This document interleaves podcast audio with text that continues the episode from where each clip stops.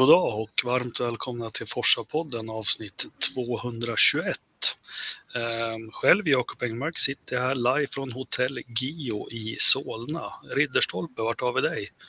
Jag sitter hemma i min eh, fantastiska studio som jag har byggt upp här i lägenheten. Aha. Där ser man. Och Kristoffer eh, Lindén, vad har vi dig då? Jag sitter på hotell Lindén här i Högdalen. Det finns bara ett hotellrum, men uh, ja. Alltid fullbokat? Nej, jag har ju varit på vift. Jag var vet, i Finland en kortis över helgen. Och, uh, nu ska vi snacka logistik så åker jag via till Italien imorgon klockan sex. Så ska jag gå vår kära lyssnare Mattias Sjödin bil ner till Monza. Åh, Mattias, härligt. Ja. Uh, åker förbi honom ofta där i Sandviken och knäpper ett kort och skickar till honom. Jag har inte lyckats, har inte lyckats träffa på varandra än, men han kanske inte vill träffa mig. Nej, det skulle vara kul att ta en kaffe med Mattias. Eh, Anders Lövström har ju varit på Sandfort och det ryktas om att han sitter fast i tullen, något så här smuggla pengar, kontanter för mycket. Ja, det var något. Ja, jag vet, jag, men något sånt var det. Man får väl inte bära med sig hur mycket valuta som helst över gränserna trots att vi har frihandel, tror jag. Eh, så vi får klara oss utan Anders idag, tråkigt, men han får berätta mer om hur det var på Sandford.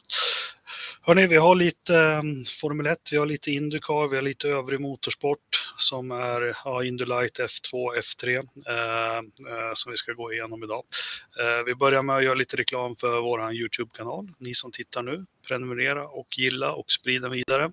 Vi tackar våra patrons mycket och glöm inte att handla er tuffa t-shirt på Podstore. Eh, F1-merch med vettiga priser och snabb leverans, eller hur? Givet. Mm, det kan man inte få nog av. Eh, men eh, ska vi köra igång första ämnet då?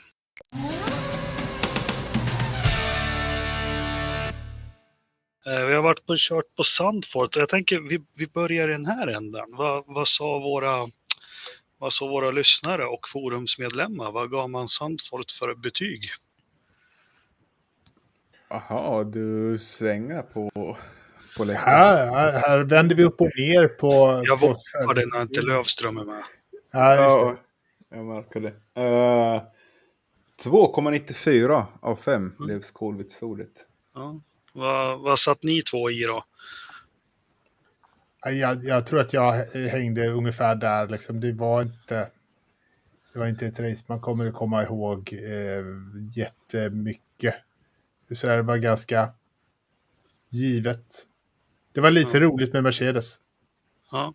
Uh, Lindén? Jag tyckte det var ett av de... Mm.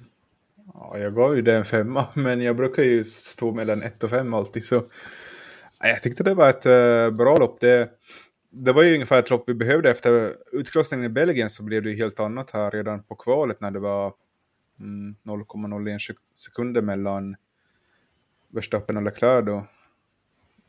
Uh, helt annat än utskåpningen i Belgien. Och uh, sen som Ridderstolpe sa, Mercedes hade ju en ärlig chans som, på seger idag som vi kanske ska bryta ner varför de inte lyckades ta den. Men de gick in för att uh, de visste redan på pappret innan att den här banan kunde passa dem. Och, ja, det var, hände ju lite safety cars sånt på slutet som gjorde att eh, det inte gick hela vägen. Men, eh, mm, Déjà vu för eh, Hamilton där, eh, tänkte jag på slutet. Uh, nej, men jag tycker väl, alltså loppet var ju inte på något vis uh, lättläst eller följden av vanlig mall, utan uh, det hände ju lite, lite konstigheter med en Alfa Tauri och en Alfa Romeo och, och lite annat. Annars tycker jag den fick ju den här, jag gillar ju när det blir race, olika däck som går olika och att eh, så som vi fick förra året nästan varenda lopp, att det knyts ihop på slutet. Eh, nu fick vi aldrig chansen att se det här knytas ihop på slutet på grund av, ja det var väl dels Alfa Taurin, sen körde ju Bottas under motorn där igen då. Så jag gav den en trea. Ja. Så var det frä, frän bana Sandvort att titta på, men kanske ingenting som bjuder in till... Ja. Jag vet inte, alltså frän, vad menar du? Är det för att de har en bankad kurva? Men går lite upp och ner. Jag gillar ju det när det är eh, lite upp och ner och så. Och, och jag tycker det ger en liten klaustrofobisk känsla det här med att murarna står ju ganska nära och sånt. Jag, jag, jag, tycker det, men det var några, de är ju så stora bilarna nu, det har vi varit inne på, men några mm. helikopterbilder man såg att det var knappt två bilar får plats bredvid varandra på den där. Så det, ja. Uh, men, men, jag vet i så fall gillar jag liksom så upp och ner. Så då, då tar jag Portimao vilken dag i veckan som helst. Ja, ja, ja, liksom, absolut. Liksom, Ja, ja, det handlar väl mycket om uh, inramningen här också. Ja. Och, som, och som någon skrev, någon journalist på plats som sa att uh, om trafiken var ett problem till och från uh, spa så var det ju ingenting jämfört med här. Är det det ni F1-journalister skriver om nu för tiden? ja, exakt. Alltså, det är jobbigt nu, att se till log Logistiken. nu är det inget taskigt mot dig, Kristoffer, men jag börjar liksom... Det är bara Dieter som liksom... Som de flesta journalister, de, de är bara reportrar. De bara berättar liksom vad alla ser och vad som händer och så skriver de vad någon har sagt på presskonferensen. Men, ja, eh, ja, men, ja. men, det var, men det var just precis lite Renke som skrev det här. Om ja, trafiken. Ja. Jo, men han skriver mycket annat bra så han är, han är ursäktad då. Eh, ja. men han, han vågar gräva lite och, och göra lite analyser och så.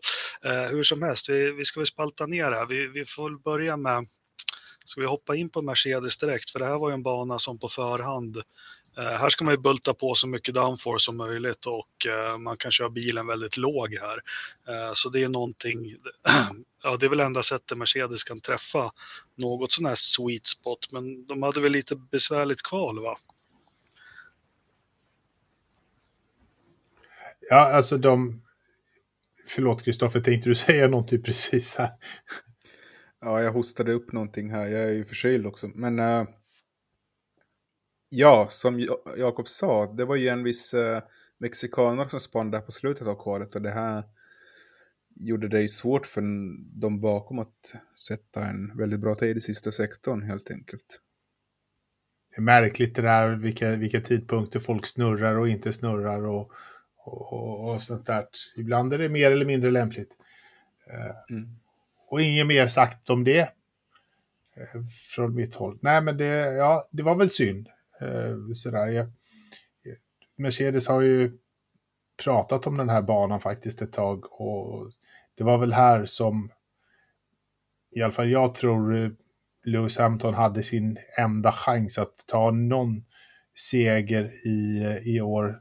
Eftersom det pratas väldigt mycket om att han alltid har tagit minst en seger om året under alla sina år i, i Formel 1 och i år tror jag nog att det kommer bli en nolla i den. Alltså vi har Singapore kvar. Tror jag på. Ja, ja, tror du det? Vi får se. Ja, eh, ja det, det kan vi ta senare. Nej, men eh, de hade ju ett jätteläge och eh, mm. Nu har jag två lopp på raken försökt analysera lite data som man gjorde förra om åren och titta på. Och jag vågade inte skriva ut det helt, men jag sa hemma inom fyra väggar att Eh, jag var rätt bombsäker på att Mercedes skulle vinna Hamilton. Eh, eh, när man tittade. Sen skrev jag att Verstappen, men det, det hade lite med toppfarten att göra. Nu, nu hade inte Verstappen den här toppfarten i loppet och jag undrar om de inte hade skruvat ner motorn lite, att han tog det lite piano och, och gjorde det som behövdes. Men, men jag hade verkligen tippat utifrån fredagens eh, longruns och så, så hade jag, ja, Mercedes såg farliga ut tyckte jag. Ja, men de var ju med. Uh, absolut. Och, och, Russell var ju där. Uh, så att det, det såg väl helt, det var väl helt bra, riktigt analyserat tycker jag. Gjorde de rätt ja. eller fel de Mercedes här på slutet? Det är väl dit vi kommer till slut. Ja, alltså ja. Det, är det inte liksom pest eller kolera? Vad säger du, Kristoffer? Ja, det är lite ovanligt att splitta strategin så här sent in på loppet. Det var väl det de försökte där med att lämna Hamilton ute och släppa, ta in Russell på nya däck. Men eh, ja, det har alltid lätt att vara eftersmart också. Man satsar väl lite väl på att bara få en vinst istället för att liksom säkra poängen den här gången. Och det uppskattar vi ju ändå. Ja, ja. Det är ju sånt vi vill se. absolut, på något sätt så vi, det var väl det om de inte hade gjort någonting och båda hade legat kvar ute så hade de väl fått en, en tvåa, trea. Eller var det då, var det om de skulle pitta bägge två? Nej, men jag, jag tror eh, splitta strategier, det som hände, det var att Russell var otroligt bestämd med vad han ville. Eh, det var ju inte teamet som, som, som kom med förslaget eller något, utan han hetsade verkligen på det där. Han kände att däcken blev, Merca har ju svårt att värma däck, att de, de dog där så han ville ha soft. Eh, och, och, det liksom, ja, jag förstår Hamilton, han var ju jättearg som avsnittet heter, men eh, han tog inte det initiativet som, som Russell gjorde och det tycker inte jag han kan beskylla teamet för eh, på något vis. Sen är det alltid lätt att vara efterklok. Jag tror optimalt resultat för Mercedes skulle varit att och haft båda bilarna ute under Safety Car och ja. låtit Hamilton haft banposition där och eh, haft Russell emellan sig och Verstappen. Eh, men det får vi aldrig reda på. Men jag vet, jag, det känns som att det inte brukar funka det där med att lämna ut av banposition i F1. Jag tycker det ganska ofta senaste åren läggs Ferrari också. Man lämnar ut för banposition och sen, eh, sen när en jättesnabb Verstappen kommer bakifrån så är det liksom bara, jaha. Han hinner knappt blinka så han förbi så jag vet inte varför man är Ja, men det, som händer, det som händer när jag tittar på mina siffror som får mig att tro att, att han körde med rätt nerskruvad motor, det var att eh, helt plötsligt eh, omstarten där, då hade han 13 kilometer högre toppfart än vad han haft på hela loppet eh, för Stappen. Uh, han gick ju liksom, sen var det, sa de på tv att han fick en toe. Nej, han, han var ju om liksom innan han fick toe. Uh, han har jättehög toppfart uh, det varvet. så Lewis var ett ganska enkelt byte. Då. Ja, men sen kom det lite uppgifter också att uh, Hamilton hade fel engine mode i omstarten just efter sista safety caren där. Där Verstappen... Det brukar ju Hamilton ha i omstarten. Ja.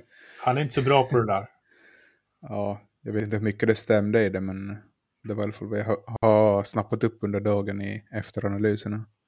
Ja, vad sa han? För jag, jag har inte läst, hunnit läst eller lyssna eller någonting idag. Så, ja. ja han hade väl fått fel uppgifter liksom.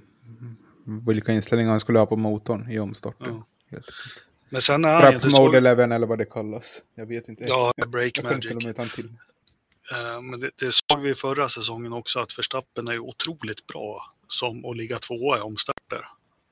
Otroligt bra och han tajmade in det här ganska bra. Men som sagt, han vred nog på motorn lite där för att det var extrem skillnad på toppfart eh, mot resten av loppet. Eh, mm. Så så var det. Nej, men sen han vart ju uppäten där ganska fort av, av Leclerc och eh, eh Russell då. Men eh, återigen, eh, Mercedes tar mycket poäng. Uh, kul att se att de är på det igen i alla fall och uh, kul att, att, se att Lewis har glöden. Sen får man tycka att han är crybaby eller gnäller på teamet. Men jag tycker det är skönt, han vill något. Mm. Han visade liksom lite själ och hjärta där. Uh, åtminstone lite engagemang. Mm. Uh, när han Precis. blev förbannad. Man måste bli förbannad ibland och det är, det är okej okay att bli förbannad. Uh, faktiskt. Mm. Det tråkiga för oss nu när eh, Mercedes har kommit lite tillbaka är ju att uh, Mercedes och Ferrari kommer plocka poäng av varandra. Så det här kommer bara bli lättare för Verstappen att sopa hem i förtid. Fast ja, det, har ju varit, det har ju varit över i tre, fyra lopp ja. Jag har inte, det jo, har inte varit en match på, på länge, men ja. Ja, det kommer de ju att göra. Mm. I alla fall uh, kvalmässigt, men sen i racet så vet jag inte vad... Ja. Ska vi ta Ferrari direkt eller? Ja, eller så jag bara tänkte kort, det är inte så mycket att säga om Red Bull. Vi, jag tänker Ferrari vill vi nog prata längre om, men Red Bull då, Max, äh, återigen med analyser. Han hade ju en bökig fredag och körde sina longruns på, på lördagen och man hade ju pratat lite om Thai, thai dägg. Äh, eh, nu tror jag de flesta missbedömde äh, vilka däck det var som gällde, men det som var imponerande på hans longrun, det var att han hade så otroligt. De flesta har ju fallande tider under sina longruns, men han, han satt ju superbra tider på varv 7, varv 8 på softdäck också. Eh, men han hade väl lite problem att få ihop däcken, men annars kontrollerat lopp av Verstappen. Vad var Perez då? Jo, men han gjorde ju det som Albon och de här har gjort det, för att inte få köra kvar. Jag vet inte riktigt vad det är som har, jag har inte läst eller sett något vad, vad, vad händer med Perez just nu egentligen som i början av säsongen kom så bra underfund med den där bilen. Men nu verkar han inte riktigt göra det längre. Ja, Verstappen får ju den, eh, alla uppdateringar av bilen anpassas ju enligt Verstappen nu. Så ja, det är väl bara att se glad ut då för en mexikanare. Ja. Alltså, Försöka ta sig en tequila i alla fall. Eller hur? Inte för många bara, bara för att bli frugan sur. Men, eh, men alltså, det, det är väl som det alltid är, är där. Det är Verstappen som får, som har privilegiet. Det är väl inget Men- konstigt, inget konstigare än så.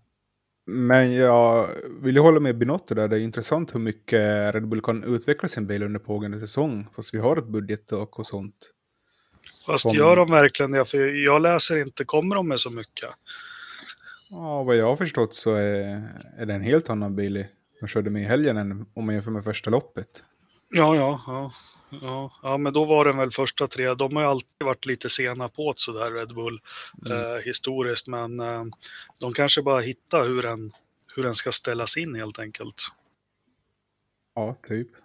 Det, Det- det som jag är skeptisk till det är att det här att de har så bra propeller bak på raksträckorna. Det kan inte bara vara aero utan det är något skumt med den där motorn. Sen säger jag inte att den är olaglig men eh, de har hittat någonting där. Mm. Vi får väl se om det blir en Ferrari-uppgörelse i slutet på året eh, med Red Bull. Mm, Kanske. vi får se. Eller Honda eller vad fan de heter. Har Eh, ingen aning. Oskar skriver att Red Bull hade inga uppdateringar till det här racet, men de, de var faktiskt hotade tycker jag. Och, eh, eh, ja, om vi ska prata lite kval då och Ferrari så hade vi Leclerc som var väldigt nära eh, Verstappen på kvalet. Och, men ja, eh, återigen titta lite på varvtider och så. Jag, jag var i alla fall helt säker på att, eh, och det tror jag skrev också, att Merca skulle ta Ferrari eh, det här loppet. Och det gjorde de väl egentligen då, eh, frånsett det här som hände på slutet. Men eh, eh, vad händer? Alltså, vart ska vi börja? De, de har tappat fart. De har... Ja, nej, ni får ta det här vidare. Ja, men Ferrari tappade ju bollen för, för ganska länge sedan. Men, eh, men eh, den här helgen så, så gjorde de ju självmål av, av stora mått. Eh, liksom. Jag lider ju med Carlos Sainz. Men å andra sidan så, det jag hörde var väl att det kom, det kom ett för sent beslut. Så att teknikerna, teknikerna hann inte ta fram däcken i tid. Fast de hann om ju få fram tre om- däck. Eller Ja, hur? Om tre av fyra gör det och den fjärde gör det inte utan kommer om tio sekunder. Va? Nej. Det, håller, vad- det, finns ingen, det finns ingen förklaring som håller. Liksom. Det var bara jävligt dåligt. jag vet Ja, inte om men- det var Mario eller Luigi som var sen med däcken. Eller hur? Precis, det vet inte jag heller. Men det här samma hände ju för Ricciardo i, i Monaco för några år sedan. Men det verkar ju som... eh, Där saknade de ju alla fyra däcken. Men här fick ju Ferrari jättemycket shit för att de saknade ett däck. Så Jag, jag är så gammal så jag minns när Eddie Irvine slog som VM med Häkkinen så stod han på Nuberg Ring och, och de saknade ett däck då också. Eh, men det är ju nya tider. Nej, men sånt där får inte hända. Nu, nu var väl Binotto för första gången eh, du var väl Binotto för första gången eh, lite kritisk till, till stallets prestationer. Ja, och, eh, Nico Rosberg kastade en rejäl känga till Ferrari när han skriver att... eh, eller han sa väl i direktsändning då till Sky att eh, till och med F2 och F3-stallen gör bättre depåstopp än Ferrari. Och det tycker jag, jag måste hålla med Binotto där att så sunkiga är de inte. Men uh, Rosberg jobbar i tv nu och, i tv-branschen ska man ju skarva alltid när man säger någonting. Ja, fast eh, F2 var väl snabbare stopp än det som Sainz fick ändå. jo, men ja, jag vet inte. I F3 gör man ju inga stopp. Eller när de gör stopp så är de för de är inte vana att göra depåstopp där. Så de blir ju alltid långsamma. Men ja, eh, ja nej, det, och sen det är strul. Ja, Sainz vet jag inte hur mycket bestraffningar han sökte, men eh, ja, nej, jag, jag vet inte. Ni får, jag, jag vet inte vad jag ska säga om Ferrari längre och, och vad som händer. Det, det känns ju som det är mer kaos än, än någonsin. Nej, jag tyckte väl eh, de höll ihop det rätt så bra i det här loppet ändå. De, de saknade fart mot Mercedes i, i race bara. Det är väl största frågetecknet så för mig angående Ferrari. Att varför, de är, varför de inte kan ha samma fart i racen som de hade i början av säsongen. Fram till efter Silverstone känns det som att deras Ja, var det Österrike eller Klar var den senast nu? Och sen efter det så har de inte alls haft någon fart i... Ja, men de bränner väl upp däcken för fort. Det är ju så det känns. Mm. Ja, de, precis. eh, Sainz inledde ju bra här. Eh, ja, men han var ju snabb liksom första. Sen, sen var ju han en sitting duck och det måste väl varit... Jag vet inte om han sagt det, men jag kan inte tänka mig något annat än, än däck. Nej, men Ja. det, det är väl det som en... Det mest, mest märkliga är att det händer så lite i, i organisationen. Man, man förändrar inte speciellt mycket. Det går inte bättre på, på något sätt. Och, men, eh, men alla verkar ändå sitta jäkligt säkert på, på eh, sin plats där. Det, det gör de väl tills det kommer in någon som eh, svänger runt yxan och, och eh, skär bort eh, lite folk här och där och byter ut. Men just nu så är det så här, ingenting eh, ska ske. Här sitter vi stilla och fortsätter med samma människor om och om igen. Det är lite där vi gör, så här, vi gör samma misstag om och om igen och förväntar oss eh, annorlunda. Vi gör samma sak om och om igen och förväntar oss annorlunda resultat.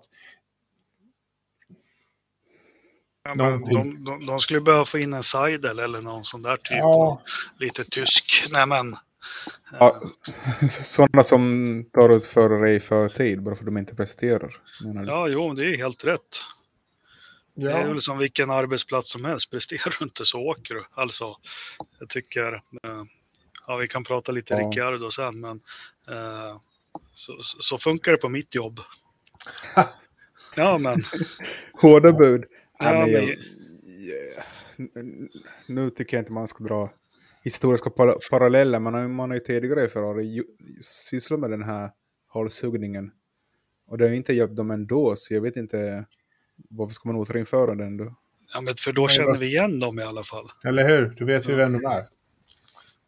Jag tror, jag tror nog att eh, jag tror nog i Maranello så, så är det nog inte så, så skön stämning just nu. Jag tror, eh, ja, vi får se. Eh, jag vet Nej. inte vem som styr högst upp nu. Nej du. Det är, det är Löfström som är vår organisationsexpert. Eh, så att jag har inte koll på det. För förut har du haft en Enzo Ferrari, Luca Ja. Demes, och eh, vad hade de? Elkart, eh, hette han så? Och eh, vad Mm. hette han som dog när han opererade axeln? Va? Ja, just det. Det har alltid funnits en ja. sån som liksom har gått in. Jag tycker Binotto känns ganska ensam där vid skampålen i, i, i alla intervjuer och precis allting. Ja, man, man känner att någon borde gå in och täcka upp kanske.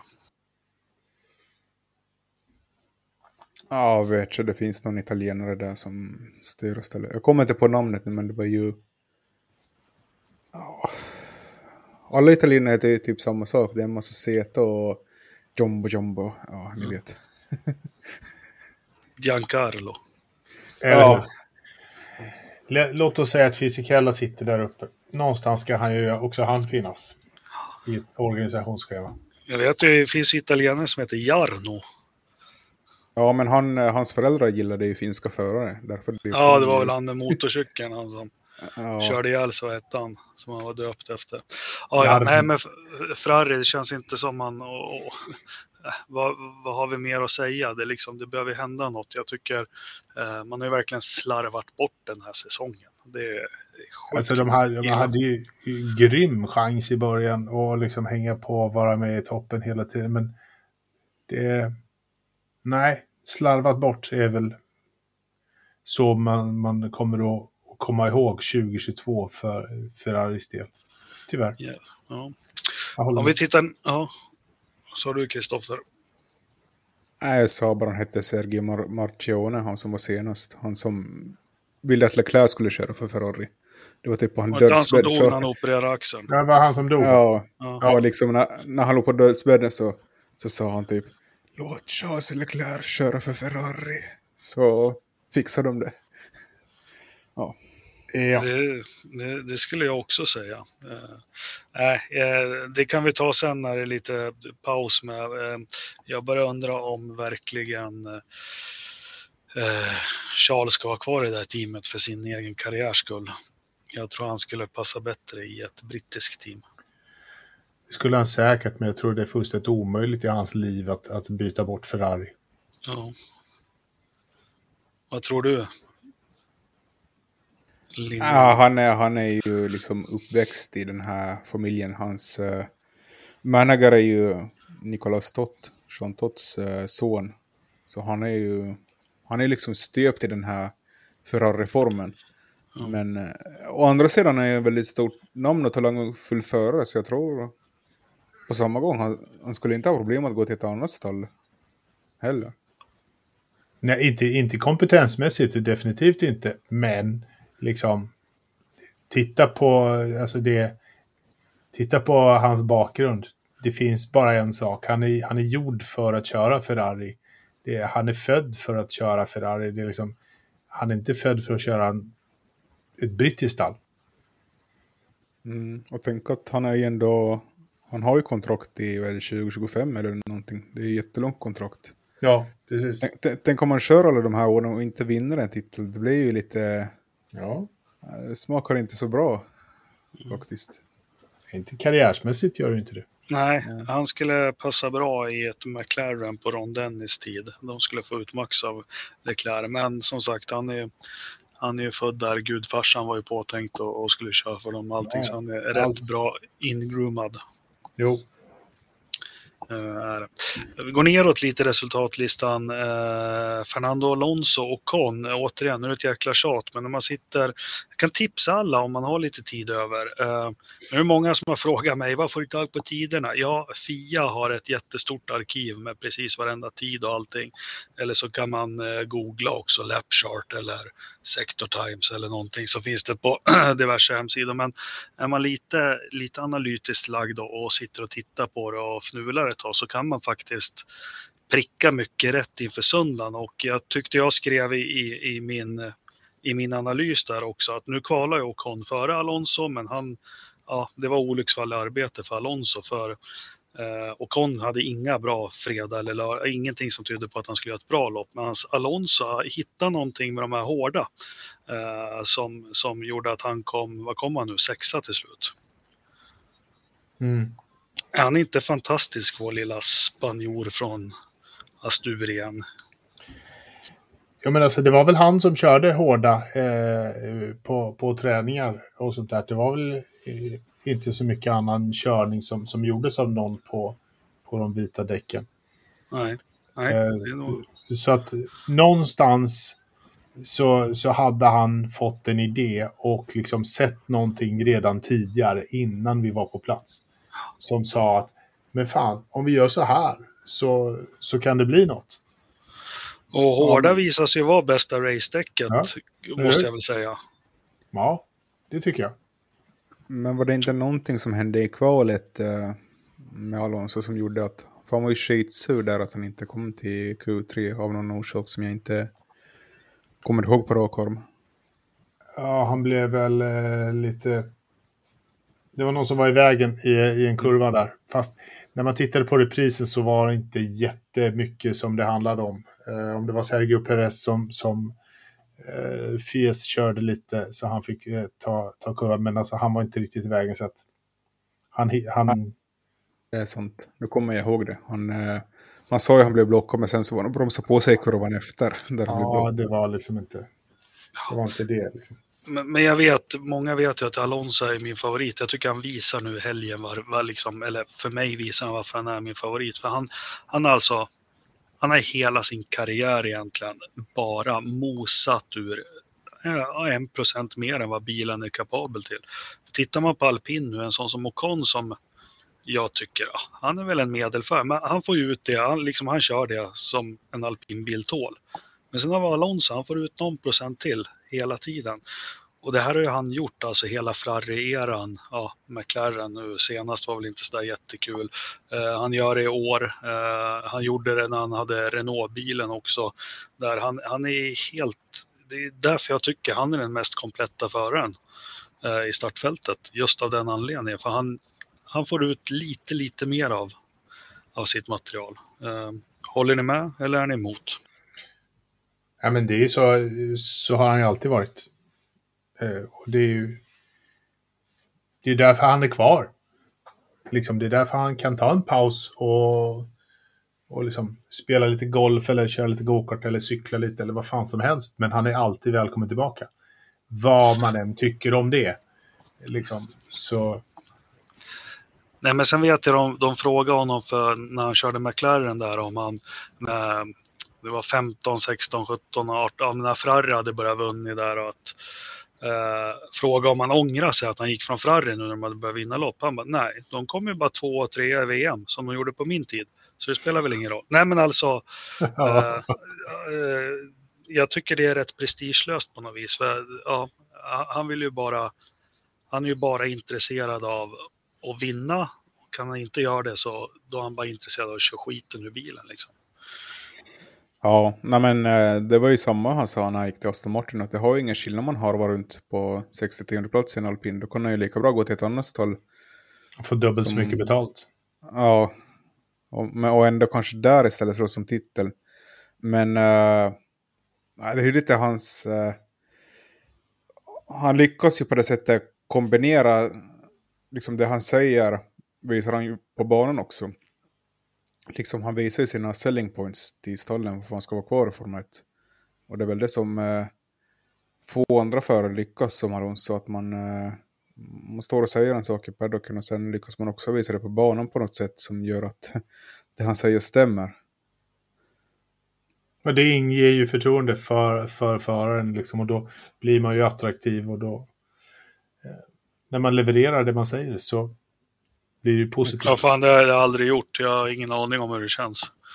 Fråga inte mig, jag säger Nej. bara hur andra gör. Ja, ja jo, precis. Ja, fan, man, man surrar ju bara, sen är man genomskådad efter ett halvår.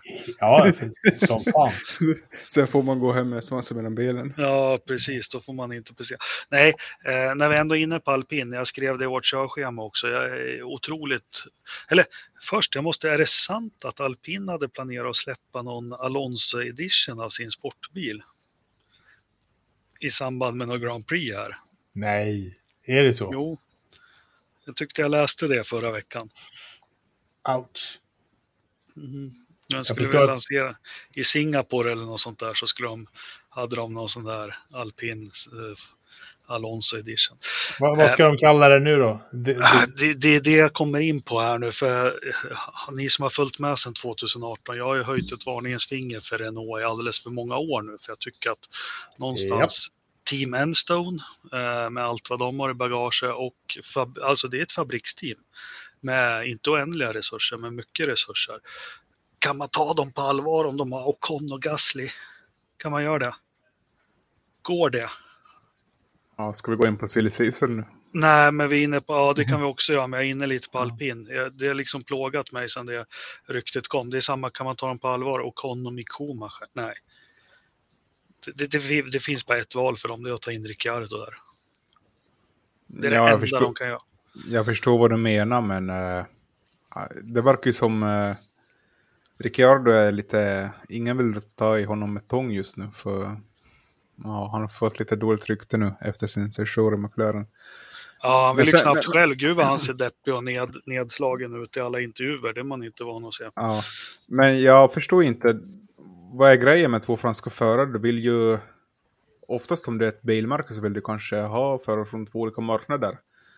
Som eh, Frankrike och Spanien var ju väldigt bra att dela upp det på. Inte om du är ett franskt bilmärke. Nej, och fan Renault historiskt, de har ju alltid, de har alltid ja, velat haft två fransmän med Elf och allting som ja. har varit. När hade de det senast?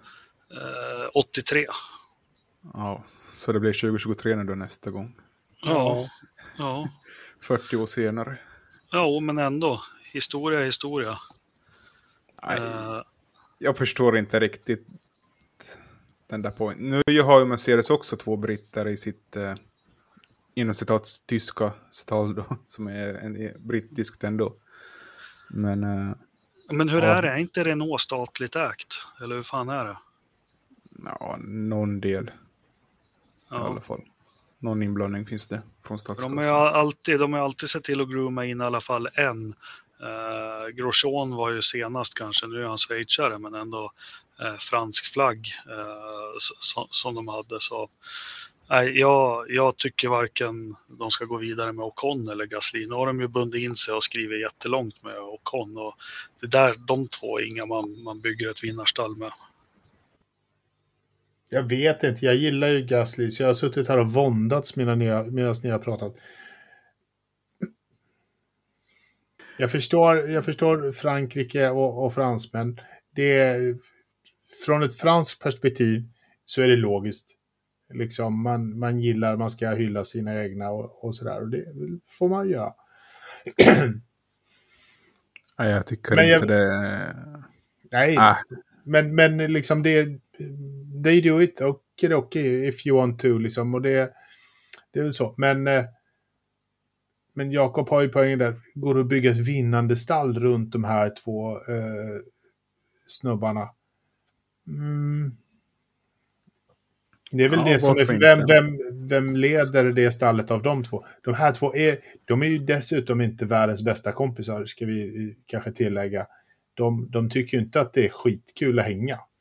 Om, om vi säger så. Så frågan är väl hur kommer arbetsklimatet att bli? Competitive? Ja, det kanske är bra. Eh, liksom så. Men competitive så att det blir positive or... Nej, Jag tror ju, Ocon förstås, han drar ju en lans för sin kompis eh, Mick Schumacher. De är ju väldigt bra vänner. Så han fick ju frågan här i torsdags att Ja. Mick skulle passa väldigt bra i alpin. exakt. Och vill man ha harmoni i stallet eller vill man, vill man ha två förare som är lite... Förstås så kommer ju pusha varandra väldigt bra, Gasly och Ocon. Men... eh, Men- Vad heter han? Eh, Nico Rosberg fick ju den här, fick också ge sin syn på Gasly i, eh, i alpin tillsammans med Ocon. Han bara, well, I have some experience. Okej, jo, du, du har rätt. Du har Vad lite erfarenhet. ja, du får, du får gå tillbaka till historieböckerna och kolla lite, Jakob. Nej, men alltså det, han, han, han tyckte att, ja men, även om de inte är världens bästa kompisar så kommer det nog kunna funka rätt bra ändå. Ja, du menar Ja. så. Ja, då är jag med. Jag trodde att han hade någon slags med Ocon eller med Jaha, Gasly. då. nej, nej, nej, nej, nej, men, har Hamilton. Ja, men för de som inte vet historien där varför Gasly och Ocon inte är vänner. De, de tävlade ju mycket i go-kart-åldern. Och de var ju vänner ett tag. Men när de blev osams om var just när eh, Gasly lyckades få pengarna som var menade åt Ocon. På något sätt.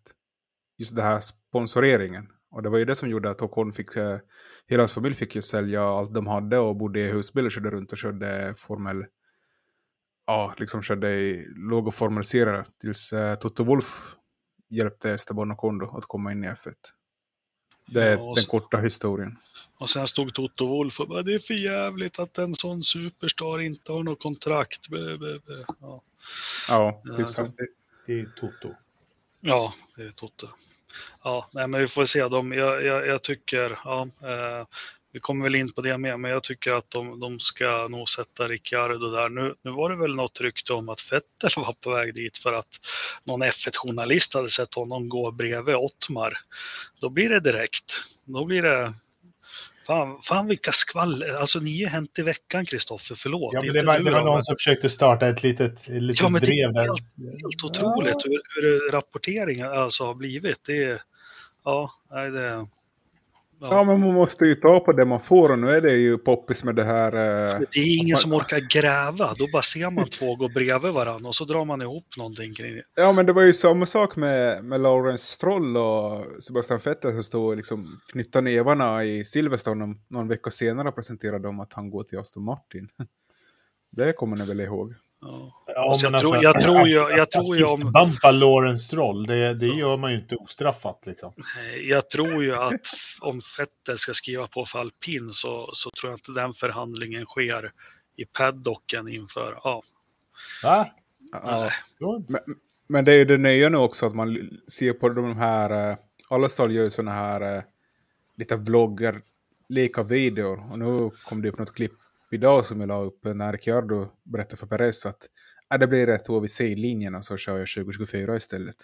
Så det, ja, nu ja. vet ni det. med en stor led i Williams har han då. Eh, Ja, men vi går vidare. Du var inne på Ricciardo nu. Vi har Norris som gör det han kan med den där bilen och nästan lite Alonso. Jag tror han pressar ur. Eh, Om man tittar på Ricciardo, liksom, nu är han lite under par då, men det är väl kanske där McLaren-bilen är då för gemene man. Eh, Kanske inte riktigt, P18. Ja, inte riktigt så dålig, men, men Norris gör det ju otroligt bra. Han, han smyger med här hela tiden och, och det är starkt av honom, eh, tycker jag. Eh, Ricciardo, vad ska man säga, eh, sorgligt att se. Han har ju svårt att pressa fram leenden. Han ser väldigt liten ut i intervjuer och eh, jag tror det här har tagit otroligt hårt på honom. Otroligt hårt. Nej, det, Ja. det måste vara hemskt. Han verkar ju inte kunna leverera nu när han behöver också, utan det blir ju bara en ond cirkel det här. Alltihopa känns det som. Det är inte alls kul att vad är hans skoj just nu. Nej, sen ska de hålla på och gotta sig också så här när det kom eh, Piastris kontrakt och allting när det skrevs på, hej och hå. Han var, jag, jag förstår det, men liksom vad, vad är grejen med det? Eh, det? Det vinklar man också på ett jävligt konstigt sätt, för Piastri när han skrev på, han var inte garanterad en, en, en, en styrning som jag har förstått allt det här. Utan han skrev på med McLaren och han kunde lika gärna sitta som tredje förare om de inte skulle lösa det med Ricciardo. Men, men nu var det senast, nu hade vi Ricciardo och eh, Webber pratat ut i alla fall va? Hade de sagt? Eh, nej, uh, Webber var ju jätteledsen för det här som har hänt och det inte varit meningen, meddelade uh, Ricciardo. Men ja, det var väl inga det var väl inga hårda ord mellan dem nu, men de hade i alla fall pratat ut om hela den här situationen. I'm so sorry mate. Ja, ja eh, så så var det. Ja, Ricciardo, men, men det är så. Det är alltså äta eller ätas. Eh, jag Ja. tycker han har haft god, god tid på sig att prestera. tycker det är helt rätt att de ger en annan chansen i, i, i McLaren. Det pratas ju om att det är muskelminnet som strejkar för, för Ricciardo. Det är därför han inte kan köra den här bilen. Nej, det är ju den här typen av bil också. Han kör ju på ett visst sätt som inte passar årets bilar har jag fått höra i paddocken. Men äh, ja, det är väl som Engelmark brukar säga. Det här är inte saft och bulle, det här är Formel 1. Ja. Nej, Ja, men det var det jag är inne på, just muskelminnet. Att han har ett muskelminne hur, hur han ska bromsa och köra och sånt som han har väldigt, tydligen väldigt svårt att, att ändra på. Det är väl det som är problemet. Sen säger Lando Norris också att han trivs ju inte alls med den här bilen. Men, Ja. men, om, eh, men om Ricciardo har problem med muskelminnet och inte lyckas köra den här typ av bilar, då finns det ju ingen anledning för honom att ens ta ett sabbatsår och tro att han kan komma tillbaka. Bara för bilarna kommer att vara de samma om ett par år. Jag, jag, jag tror inte det specifikt med nya reglementet. Jag tror faktiskt det. Det är någon sån här... Eh, nu, nu skulle jag låna några nå ord eh, eh, som jag inte tänker göra. Det, jag, det skulle jag vilja ha lite mer belägg för. Vad, vad menar man då? Att han får downforce under bilen istället för på bilen. Vad, vad påverkar det? Jag, jag tror det har med helt andra saker att göra. Eh, än just reglementet. För han klarade ju inte att köra fjolårets McLaren heller. Nej. Eh, jag vet, alltså går man tillbaka till när Lewis Hamilton bytte till Merca, han var ju ingenstans första halvan av säsongen för han, han klarade inte av bromsarna i Mercedes. Han hittade ingen känsla i bromsarna. Eh, jag vet när eh, eh, Alonso gick till McLaren 07, eh, då fick han dem att byta från Brembo-bromsar till Hipco, Hitco eller vad de heter, just för att alltså det är så mycket sådana där saker också som, som spelar in. Eh, det här är ju liksom finstämda instrument, både bilarna Ja, och förarna. ja, så det, ja, ja. Och minsta lilla spelar ju roll. Men vad tror du Kristoffer med reglementet och så som blir tuffare för honom? För det han har problem med det är inbromsningarna och eh, insvängningar där han inte hittar någon känsla. Ja, exakt. Det har vi pratat om tidigare i podden och uh, vi pratade om det här i Belgien också. Att uh, på torsdag minns jag Lando Norris, uh, det var många skrivande journalister som ställde frågan att är den här bilen faktiskt mer anpassad till dig eller Ricciardo? Och i alla fall Lando Norris sa att faktiskt, speciellt i början av året, var den mer anpassad till Ricciardo. Men Lando Norris lyckades ändå förvalta resultat bättre i en bil som var anpassad för Ricciardo. Fast är det så fortfarande som när John Barnard eh, eh, ritade en understyrd bil till Alan Prost? Är det verkligen så fortfarande? Bygger de inte bara en så snabb bil som möjligt? Sen är det liksom upp till föraren att klara av den. De försöker ju bygga en bil som passar båda förarna så långt som möjligt, men det finns ju alltid... Sen är det det här politiska spelet inne i stallet också, vem man gillar bättre, vem kommer man ge fördelar när du jobbar för ett stall. Det vet du ju själv om du är på ett jobb och det finns två säljare. Om du, om du lyckas bättre på kaffepausen än din kon inom citat konkurrent då, som ska göra samma jobb så det blir ju lättare för dig att jobba om, om fler tycker om dig. Alltså, kolla Red Bull, Max. Ja, jo, men eh, alltså, där har vi varför? det. Han, ja, han, han, kan ju leva med en instabil bakända till exempel. På, på, samma sätt som, som Kim inte klarade av en bil som inte styrde in. Uh, men sen har vi ju de som, som, som, som, klarar av när de ställs inför de utmaningarna. Alltså som klarar av att köra dem. Nej, jag vet inte, det där är någonting Eh, jag hoppas, det var länge sedan man hörde något av Rob Wilson, förarcoachen som har haft de flesta Formel 1-förarna på sitt flygfält i England. Han kunde beskriva jättemycket liksom vad sånt här handlade om. Han hade varit jäkligt coolt liksom och, och få en analys av om han om tittar förare på förare på ett, senaste loppet och gå igenom ett varv och han kan bara berätta här, här, här. Liksom. Det hade varit sjukt häftigt. Kan inte du ring, slå honom en signal, Engelmark? Jag har faktiskt mejlat honom för några år sedan. Eh, men han, han är ju han är inte någon vän av internet och sånt. Han har fortfarande en Nokia 8210 tror jag den heter. Ja, uh, men, är... men, det är han som har lärt Kimmy att köra bil, Kristoffer. Ja. Och Bottas han haft mycket. Han har haft de flesta Formel 1-förarna hos sig där. Så ni som söker på Rob Wilson uh, på, på Youtube så får ni otroligt mycket bra videos. Uh, men det är några år sedan han, han körde. ja, man fick se sånt. Ja, men vi har en ganska intressant punkt där med Tror ni Piastri kommer lyckas bättre i den här bilen än Ricciardo? Det finns ju inga garantier för det alls faktiskt. Jo, men det jag är inne på också så här med körstil. Vi vet ju inte. Vi pratar ju om att eh, eh lekmansanalyser. Nej, men hur bra är han på att tyda data? Hur hårt jobbar han med det? Hur bright är han på att översätta ettor och nollor till vad han behöver göra med sin kropp i bilen? Alltså det, det är så, man glömmer lätt det i Formel 1. Det är så otroligt mycket sånt. Ja. Eh, han, han sitter och glor på de här graferna och han ser ju vad Lando gör med bilen. Eh, men han kanske inte är så clever så han liksom lyckas göra det på sitt sätt, samma sak.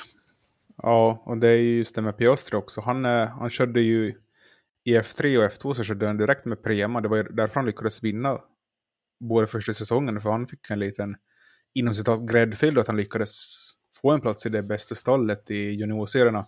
Men sen ska vi veta bara för att du är jättebra i F2 och F3 så är det inga garantier för att du lyckas i F1. Nej. Heller. Så... Fråga Stoffel. Det gick jättebra. Ja. Exakt. Nej, det får vi se. Vi får se vad det är. McLaren tror ju på honom. De har ju tagit det här till rätten i alla fall. Så de, de ser väl någonting. De har väl några otroliga utvärderingar när de väljer förare också. Men uh, får han bara komma in i det där rätt och liksom uh, så jag, jag, kan honom för dåligt. Jag har sett honom för lite. Jag vet inte, men det ska vara en klippskille i alla fall. Det är så mycket jag har förstått. Ja, vad jag har hört att han är väldigt bra på att anpassa sig. Sen var det väl det här med... Enda nackdelen var väl att han inte var tillräckligt aggressiv i loppen. Lex Valtteri. Du har ju en favorit Engelmark som brukar Ja, han är ju bara aggressiv på materialet, Valtteri. Men när vi ändå pratar Valtteri, ska vi ta det? Vi hade ju lite som fick påverkan på resultatet, så vi hoppar in på Alfa Tauri där då, eh, direkt. Och, och jag bara, allt man följde direkt efter loppet. Är det någon i sin vildaste fantasi som tror att Christian Horner och Red Bull riskerar miljardbelopp i böter och avstängning för att manipulera ett lopp när Verstappen vinner? Ja, ja. När, han vinner, när han vinner promenadsegrar ja. promenadsegrar ändå. Det är så här, jo men vänta lite nu. Vi tar det här och så oh. fejkar vi till något. Jag blir, jag blir bara att folk på all, allvar kan tänka tanken. Det, ja. Vad Nej. säger du Kristoffer? Du är lite konspiratoriskt lagd sådär. jag? Jag är väl den minst konspiratoriska i den här. Ja, Frans Tost och, och, och Horne pratade ju på griden innan. De hade ja. kommit överens om det. Ja. Uh, de fistbumpade. Ja, men vi hade ju till och med en lyssnare när jag la upp en bild när jag var i Alfa Romeo Garage att journalister ska väl inte vara bundisar med något stall. Nej, absolut inte. Nej, det är opartiskt. Vi ska ju vara fienden. Ja, keep your enemies closer som du brukar säga. Ja. Nej, men. Nej, men skämt åsido, det som hände var att han gjorde ett depåstopp. Han tyckte att något satt löst. Eh, stannar bilen, för det är det man ska göra när man tror att det är hjul, och så lossar han på bältet. Då. Eh, eh, och sen så får de väl signal på att nej, men hjulen sitter som de ska inne i depån igen. Och då får mm. de ju mm. börja knyta åt hans bälten. Det, det där var väl lite de försökte dölja. För du får inte köra du får inte ha lätta på bältena och köra. Sen åker han ut igen och så visar det sig att det är differentialen det är fel på. Alla som har kört en bil eh, med dålig diff vet ju att det skakar och ruskar och kan kännas som ett löst däck. Så det, det är väl inget mer med det. Nej, det är ju... Jag har nog svårt att säga att det ska vara planerat sånt här. Nej, men fan. Nej, det är klart inte. För Verstappen var ju inte ens för Stockholm var inte i en så svår situation heller. De hade ju ändå det under kontroll. Förstås, de hade fett motstånd från Mercedes, men det var inte som de jo, var i men bara att man kan det... tänka tanken med Crashgate och de implikationerna det fick för Renault och Flavio Briatore och alla liksom. Att ja. någon ens kan tänka tanken att ja, jag kan förstå om någon skulle, om det här hände sista loppet i Abu Dhabi förra året som det såg ut då kan jag tänka mig att man går in på det spåret, men vad fan. Ja, allt för Netflix. Eller ja. Sitter Will ja. Baxton där, there are certain moments on the racetrack. Nej, Alfa Tauri, la, Alfa Tauri la ju ut något meddelande om det där också. De, det var något statement om att uh, ja. hade ryktats att, jag vet inte, vad är det för, jag vet inte varför det går så fort det är minsta lilla man kan ta ett drev om så gör man det idag. Ja, det är de här journalisterna att, liksom, som håller på. Minsta lilla grej att Fettel pratar med någon på griden. Men det här var inte journalister, det här var ju tangentbordsryttare som började skriva det här. Att, ja, eh, det är väl journalister. Ja, what? Ja, det finns två väldigt stora nyanser där. Nej, nej men skämt åsido, ja. men det, det är det här Formel 1 vill ha. Man ska hitta drama i precis allting och, och uh, nej, men det, det här ja. gillar jag inte för det, det, är, så, det är så dumt. Mm. Uh, det, det, är så himla dumt och det, man är inte kunnig som Formel 1-fan om man ens tror något sånt. Men, men vi nej. låter det vara. Uh, Alfa Tauri, mediokert, mediokert lopp. Uh, orkar vi prata om Aston Martin? Jag känner att jag inte orkar det. De var med och körde. Det var väl Får de typ inte en poäng då? Jo, Stroll bökar väl till sig något där. Då. Men känns det ja. som att vet, luften har gått över Vettel efter... Ja, han vill ju bara hem till frugan och ungarna. jag tror det är jättesvårt, alltså Lex Damon Hill och andra liksom. Jag tror det är svårt när man har bestämt sig och tagit beslutet och liksom, särskilt i den här sporten, den här sista halva procenten som behövs bakom mm. ratten, inte i ingenjörsrummet eller någonting, för där tror jag han jobbar lika hårt som förut, men det här ja, sista commitment tror jag är jättesvårt att uppbringa. Ni vet ju Absolut. själv man har sagt upp sig från ett jobb. Ja, men jag är kvar uppsägningstid, jag ska göra bra överlämning, jag ska köra på så. Det, det blir inte så. Nej, men det blir inte det. Ja. Nej, det är omöjligt. Man är redan inställd på nästa skede ja. i livet. Exakt. Ja. Så, nej, med Aston Martin, men de har ju också lite att tänka över. Vi får prata mer om dem i, i något annat avsnitt. Eh, två stall som jag tycker både eh, kinesen och Mick Schumacher körde bra på kvalen. Men vad, vad hände, alltså, ska vi börja med Haas då? Liksom, vad, vad tar deras racefart vägen? Vad hände det här loppet? Jag förstod inte riktigt. Men det är också ett stall som har eh, gått enorm kräftgång under, under säsongen. Det har bara trillat neråt, neråt, neråt. De var ju värsta överraskningsstallet ett tag. Mm. Det gick ju jättebra. Sen har ju allting bara... Jag vet inte ja. vad som har hänt. Det har inte hänt någonting antagligen. Pengarna är väl kanske slut. Kanske det. De, de alltså... har väl bara gjort en uppdatering på hela säsongen, men i, i för de var ju stolta i början när de, när de andra stallen började komma med första uppdateringen att de körde med samma bil och det gick bra.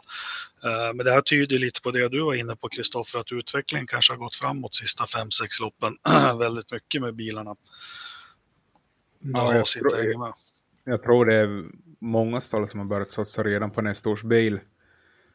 De har gett upp våra, där räknas in Haas, Alfa Romeo. Alfa Romeo kommer att uppdatera bilen till Japan har jag hört, men det är sista smörjelsen det. Sen kommer de lämna den här årets bil till sitt öde. Jag tror Haas sa väl att de kommer ju bara med den här som de kom med till Ungern då. Kevin Magnusson mm. körde den här Ferrari. Men sen, eh, bara för att det kommer med en ny bil så betyder det inte att det, det kommer gå automatiskt bättre heller, utan det är väl lite banspecifikt, det beror på hur du får däcken att fungera. Det är de här vanliga punkterna som eh, påverkar eh, Speciellt att det kan kosta så mycket från kval till race. Det är något som vi har sett eh, kontinuerligt över säsongen för många stall, tycker jag. Ja, nej men Haas, men de, de, tog ju sina poäng i början och det ska de nog vara glada för. Mm. Vi går över på Alfa Romeo då, uppdatering i Japan. Det, de behöver väl ställa upp med stridsfordon 90 för att inte Botta ska lyckas ta sönder den, eller vad har de för planer? Ja, varför tror du han kör sönder allmotorer då? Ja men det är det... finskt. Det är Kim och Mika. Det är, de är hårda på grejerna. Ja, det är någon gammal skröna det här som inte det finns en gammal, för. Gammal sanning. Är det. Gammal sanning. Ja. Det... ja. Men äh, Valtteri gjorde en helt okej start. Det är liksom det... Ja, när han startar så långt ner, det är ju det man kan fokusera på. Se hans start och liksom bedöma den, hur många positioner han tappar. Mm. Vad hände med honom på kvalet? Ja, han var första man ut. Uh, jag fick inte någon uh, rimlig förklaring faktiskt. Nej. Jag var inte på plats och jag kunde inte fråga själv. Nej, men som vanligt med Alfa Romeo så känns det på något vis, det, det, det är ett av de tråkigaste stallen som finns i hela Formel 1. Men liksom, det bara känns så här som luften går ur dem. Det händer, det händer fan med aldrig någonting i det där stallet.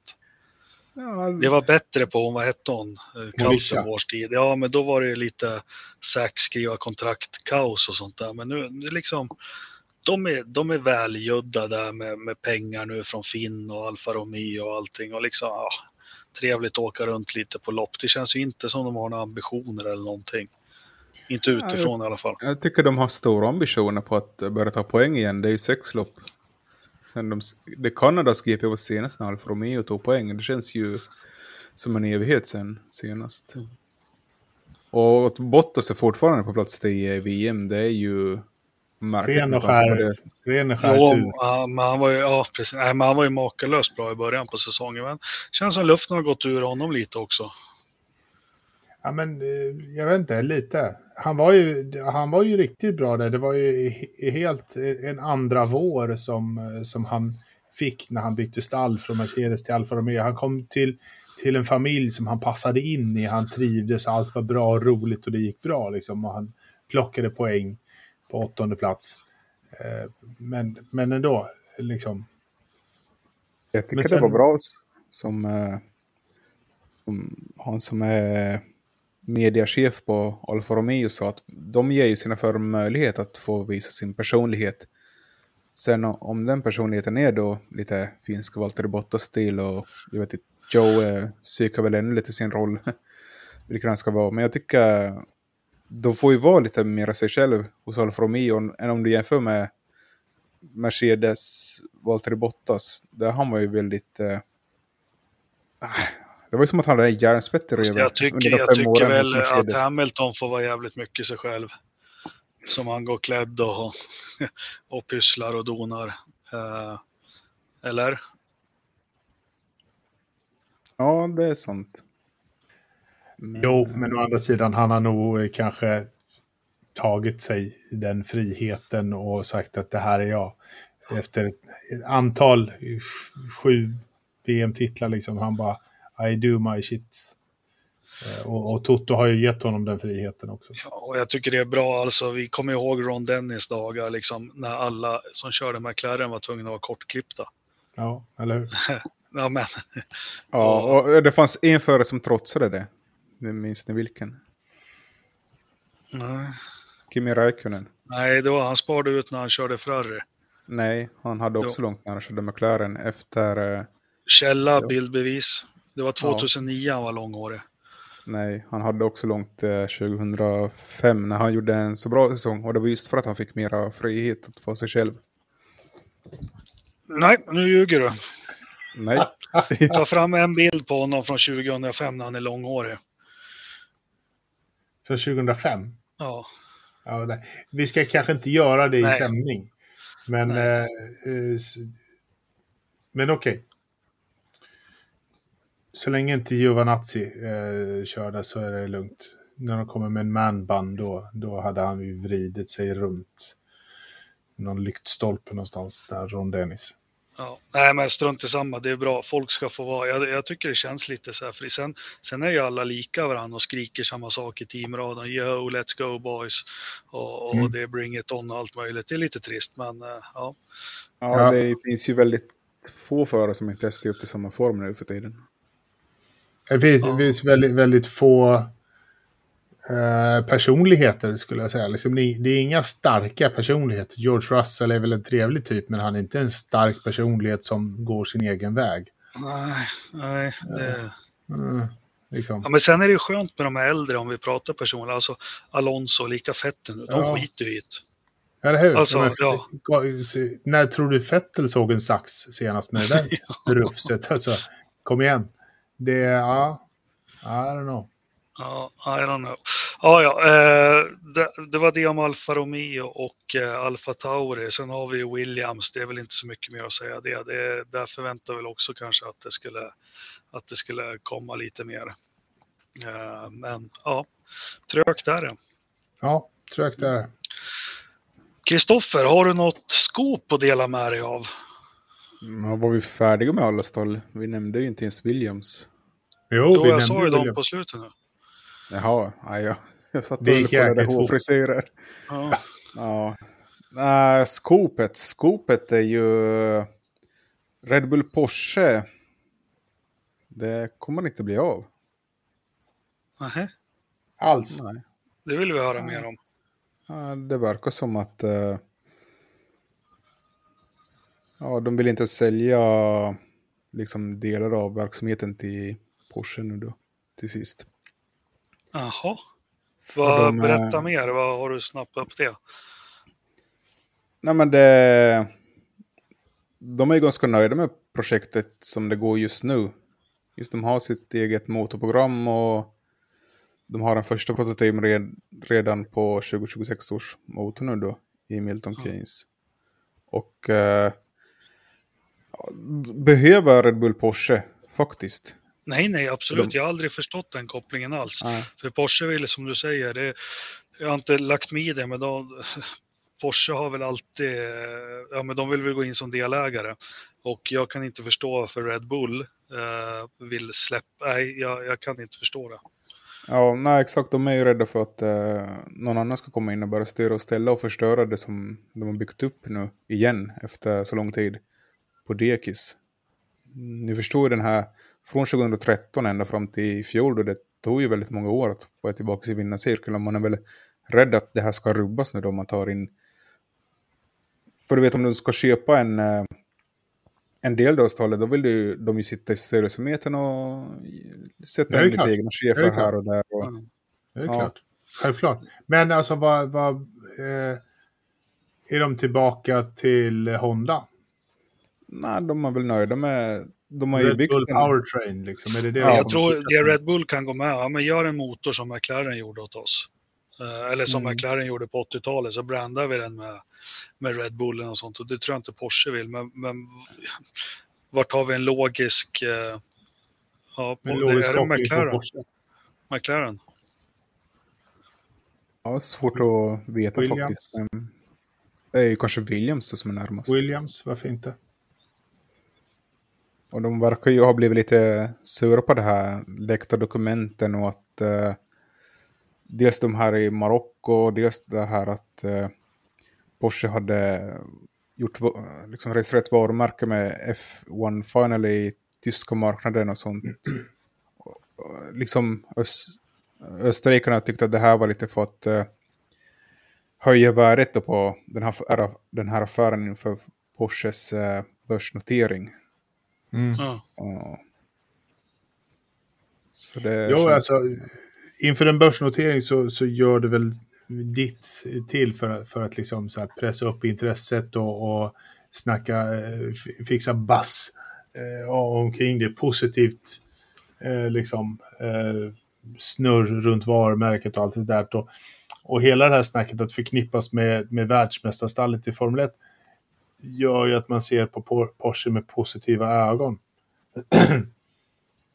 Om det inte eh, blir så... Alltså, jag har ju aldrig riktigt varit en fan av att tro att Red Bull Powertrain skulle vara något annat än en övergående fluga. Det är bara en tillfällig lösning som inte... Jag ser inte att den håller i längden för att Red Bull... Jag vet inte varför. Jag ser inte varför man ska lägga så enormt mycket pengar på att bygga en motor enbart för sitt Formel 1-stall. Det är liksom som Honda och, och Mercedes och andra får ju tillbaka någonting av det hela åtminstone. Men Red Bull Powertrains går ju inte att få tillbaka så jäkla mycket på.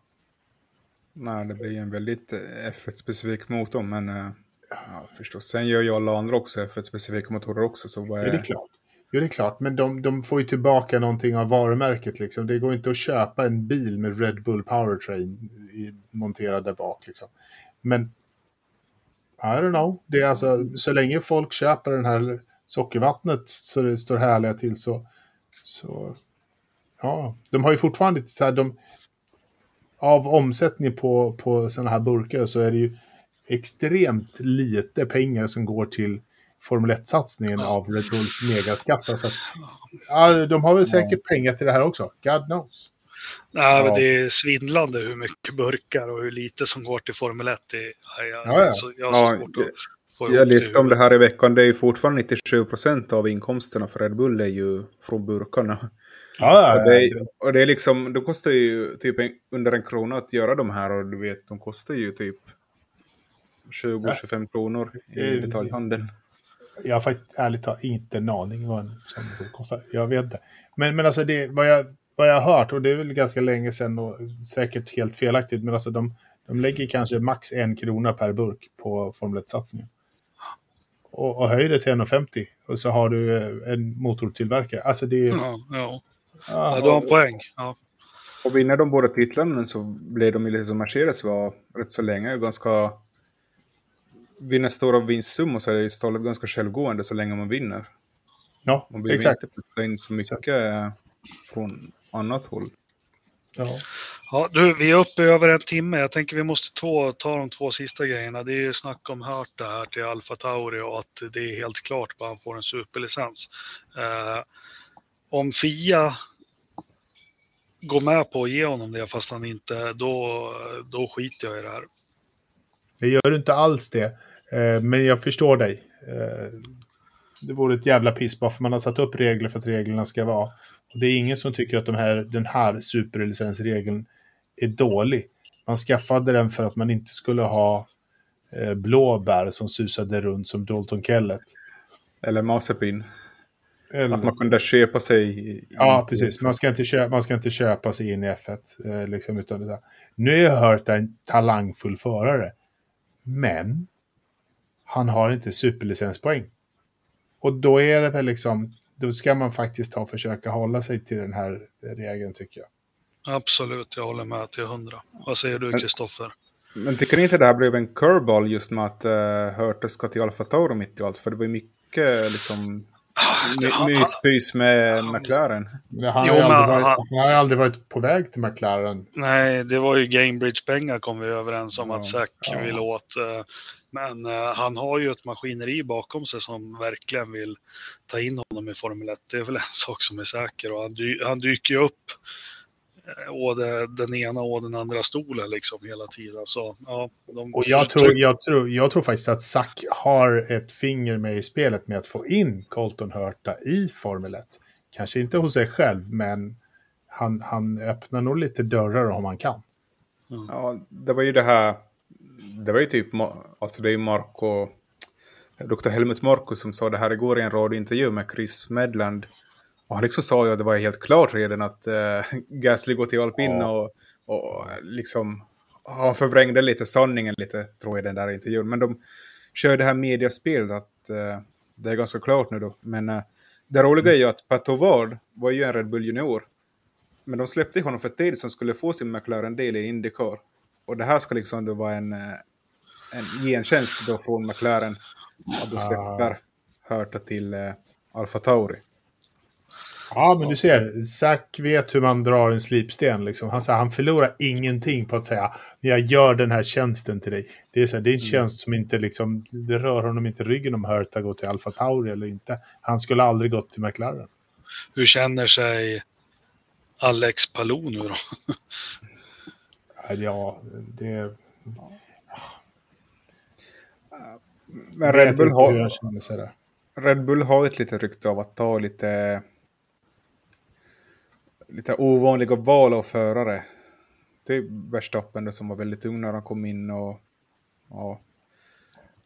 Finns det ju exempel på när det inte har gått lika bra, typ Scott Speed. Oj, prosit! Ja, det gick väl sådär, kanske man Ja. kan säga. Och, men han har ju ändå vunnit uh, sju Indycar-lopp och det är det som är så konstigt att Felipe Drugovic har ju vunnit eh, lika många F2-lopp men Drugovic kommer få superlicensen men inte Colton Hurt. Och liksom, lyssnar du på Marcus Eriksson så han säger ju att en Indycar-bil den är ju det är ju kanske det närmaste du kommer en F2-bil, bara att den är lite mer kraftfull. Så jag tycker de här poängen för Indycar är lite för dåliga faktiskt. Ja, men det är väl det som, eh, som diskussionen har blivit nu. Har man, eh, har man liksom så här för godtyckligt delat ut poängen till Indycar lite lågt eh, eh, och ska man se över det och justera det? För det är ändå den, det är ju ändå liksom top of the line på amerikanska kontinenten i, i, i den här typen av racing. Så att, varför är det så jävla dåligt? Liksom. Ja, ställt. För som det är just nu så måste du nästan köra F2 för att få lösa upp licensen. Mm. Det är väl svårt att få till valutorna för olika klasser och på det olika klart. kontinenter. Så där. Det, Det eh, klart. får jag aldrig glömma att eh, Indycar är ju inte FIA-sanktionerat. Nej. Nej. Och det är är kanske därför den faller ligger i rang, tyvärr. Precis. Forsa-flyget, vad har du att säga om det då? Vi åker ju ner på torsdag, eller jag åker imorgon, men det är ju äntligen och kommer iväg.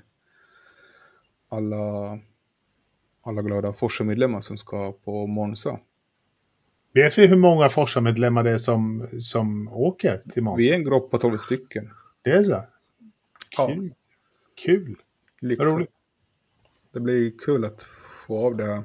Mm. Äntligen. Det känns som vi har hunnit glömma det, men eh, sen kom det snabbt på mitt i allt. Eller hur? Att åka till Italien, det kan man inte göra för ofta. Ja. Ja, ni får ha så kul i Italien. Eh, Ja. Nu seglar vi Men över jag- Atlanten. Nej, du glömde ju sista McLaren-punkten. Piastri. Nu har vi inte snackat Piastri. Nej, du glömde... Det kom ju upp ut en massa matnytt inför här i torsdags. Vadå? Så Det, det har vi ju pratat om. Att de, fick, att de skrev kontrakt redan 4 juli. Ja, och Webber och, och Ja. Ricciardo har pratat ut om det. Och, och, ja. och det han Ja, skrev men- på då var ingen race-hits. Det snackade Ja, om men- för 20 minuter sedan. Ja, men också att eh, det här Alpini som sa att de, de liksom sitter och säger att Piastri inte har sin integritet, men det är ju Alpin som har sumpat Nej. det här själva. Franska är tårar. Ja, men det är väl klart som fan att de är lack på, på Piastri liksom när de de har, han har ju kört han har kört fler kilometer än en, alltså, i en Formel 1-bil den här säsongen än en, en Formel 1-förare har gjort. Liksom. Alltså, han har ju bränt däck så det står härliga till i alpin och de har ju sponsrat honom med allt det här. Och sen drar han. Jag skulle också vara rätt sur eh, på honom. Visst, han gör ett bra jobb och, och, och de får ut någonting av det, men... Ah. Men, men uh, Weber har ju ändå försökt få ett riktigt kontrakt med alpin, men de, uh, de bara sköt fram det hela tiden, så jag tycker... Mm. Ja, det gjorde de ju med, gjorde de med Alonso också. ja, mm. men Ja, och liksom det här också att uh, Piastri och hans management har ju berättat internt till Apil att de har varit på väg bort flera gånger. Och så släpper de ändå den här releasen. Nej, jag tycker det... Alltså de sjunker rejält i mina ögon det här ja. Stallet, alpin. Mm. Faktiskt. Då får de sitta där med Ocon och Gasly. Eller hur? Två fransmän som är osams. ja, eller hur? I ett franskt som, som halvljuger mest hela tiden. Vet du vad vi gör innan vi flyger över Atlanten då så har vi, vi, vi måste ju faktiskt, vi måste ju faktiskt, um, jag har ju lite tittare och läsare, Oscar Captain. Uh, väldigt mycket han har skrivit bra och uh, uh, nyttigt. Uh, Patrik Knös, han har ju faktiskt varit funktionär på Sandfort, hoppas vi får med honom här. Mm. Berätta lite mer om det. Det har varit en magisk, eller ja, helgen har varit en dröm. Uh, ja, har vi något mer vi fick? Ja, Skalberg har veckans Verstappen då. Mm. Ja, men är Monza en Red Bull eller Ferrari-bana? Det kan Red. Bull. I, år är det en Red Bull-bana. Ja, Doktor Engelmark, du som är vår eh, special advisor här nu efter dina analyser. Nej, men den kommer väl komma upp i 390 där på rakan innan det tar stopp. Bara blåsa förbi Forsa lyssnarna. Eh, det kommer absolut inte vara en Mercedes-bana. Nej, men vi, jag återkommer och ser om jag får tid i helgen. Jag håller på och river och bygger kök. Uh, och, och kolla igenom det kan, det kan alla göra. Sätt dig och titta, det är jättespännande och nu har jag faktiskt gjort två lopp på raken och jag tycker jag prickar in, tycker jag prickar in dem rätt, i alla fall 85-90 procent uh, hur det kommer gå. Sen kan det hända mycket i racing, man kan bryta och så, men uh, det är en Red Bull-bana. Uh, ja, det är ju mycket start och stopp och in, långsamma kurvor. Ja, och inget däckslitage alls. det, det båda väl gott för Ferrari. Då. Men det ja. brukar bli rätt tråkiga lopp, en timme och tio minuter. Zoom, zoom, zoom, säger Ja, Daniel Ricciardo vinner. Ja. Mm, tror ni han kan göra det i år också? Nej, jag tror Gasly vinner i år. Igen. Ja. Om det är någon man önskar att han ska vinna så är det ju Ricciardo. Ja. Jag får satsa en femma på det där. Fan, kommer ja, bli miljonär. Ja, jag vet inte. Valtteri Bottas tar sig på podiet. Ja, det får vi också hoppas. För fan. Crazy Valtteri. Mm. Vad entusiastisk du är. ja. Jo, men, eh, precis ja. honom har vi se på pallen igen. Nej, vi, vi får se, men jag tror... Det är honom som ja. champagne. Ja, ja, ja, precis. Ja, ja, ska vi segla över Atlanten då?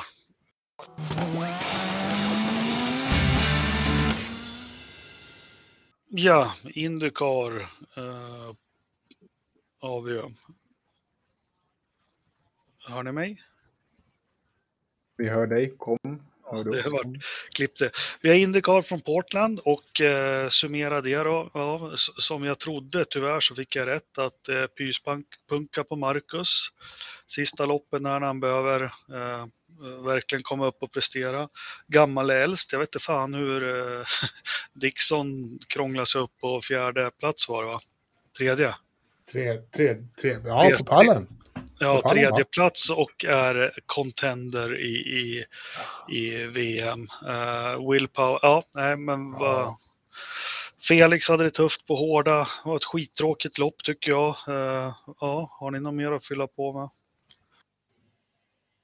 Nå, min största fråga var ju det här hur Scott Dixon lyckas ta upp sig så många positioner men inte Marcus Eriksson i likvärdigt material. För att det är två jävligt olika förare. Alltså, Men varför ska man långstinta om man vet att det inte funkar? Förstås. Nej men, de, nej, men de ville ju göra det för att de ville försöka få barn på... Det, det här, alltså om vi tyckte att Sandvort var, var smal och, och gokartaktig så var ju det här liksom ett, ett, ett svart streck i, i liksom fisrymden. Det, det, är ju, det, är ju, helt jävla omöjligt eh, att köra om på den här banan. Okej, okay, det lyckades lite på den raka. De kom in där i kurva 10-11 eller någonting. Men Alltså, det är bara barnposition som gäller och det var ju det de ville. Det var därför han seglade upp där. Hade det blivit ett gul flagg eller någonting där så hade han ju liksom lyckats. Och Portland är, är ju känt för att det går åt helvete i första kurvan. Eller andra kurvan på varvet. Det har ju alltid gjort det i princip. Och så gjorde det inte det. Eh, bara för att. Och som svensk Marcus eh, älskare så är det så här, jaha, det är väl klart som fan att de inte gjorde det i år. Jävlarna. Nu lär de sig köra bil. Vad fan. Så, men såklart. Jag tycker det, man ska inte förlita sig på mycket såna här, på sådana här myter. Liksom. Det är lite som i Formel 1, att så fort det börjar regna så blir det spännande lopp. Jag vet inte. Ja, ja. kolla Spa, det är skitspännande. Ja. Uh, men, ja, men det här var väl kanske första gången på 15 år som det inte Eh, liksom eh, hände någonting i första kurvan. Men du hade väl flagga för det, du som hade sett in the light också? Ja. Uh, och så var det ju den här första kurvan här, hände det men nu, nu tog de sig igenom det väldigt mm. uh, disciplinerat och bra. Uh, nej, men det jag tänkte på Marcus när han dåligt kval, de måste ju hamna offset på något vis. Det är väl deras mål och, och chansa på att det händer något. Och jag tycker om den variabeln i, i Indycar, att du kan göra så. Startar du långt bak, ja men gör tvärt emot de andra och hoppas på att det händer något. Ja, det var väl det lite Marcus försökte sig på där. Att det skulle komma en caution eller någonting och mitt skulle han vara en hjälte då istället. Absolut. Det är klart det var. Men, ja, men synd att han brände en sån bra chans till, till titeln, för jag tror inte han får den chansen igen om jag ska vara ärlig. Jag tror att det blir jävligt svårt, för att om vi, även om hur mycket, hur mycket blågula ögon vi än har, så det är ju tack vare Indy 500-vinsten som han överhuvudtaget är med i toppen. Annars hade han ju inte varit det. Ja, det är de där, är det 25 det är, poäng extra för den? Det är dubbla poäng liksom, det är fem, eh, så det... Du får väl typ tusen poäng för en seger i Indycar. Ja, men, exakt. Ja, men 48 får... eller vad är det? Va? 48 poäng eller vad är det? Nej, ja, det är nog jämna tal. 50 för vinst. Uh, mest ledda varv får du två poäng och pole position får du en poäng. Så att uh, han fick ju 100 poäng eller något sånt där för, för sin uh, Indy 500. Ja. Och det är liksom utan dem, eh, alltså om vi säger att han hade fått 30 poäng eh, istället. Alltså dra ner 70 poäng från Marcus total eh, poäng idag. Så inte, inte för att det är en dålig säsong han, han har gjort, men han hade inte varit en contender. Nej. Nej.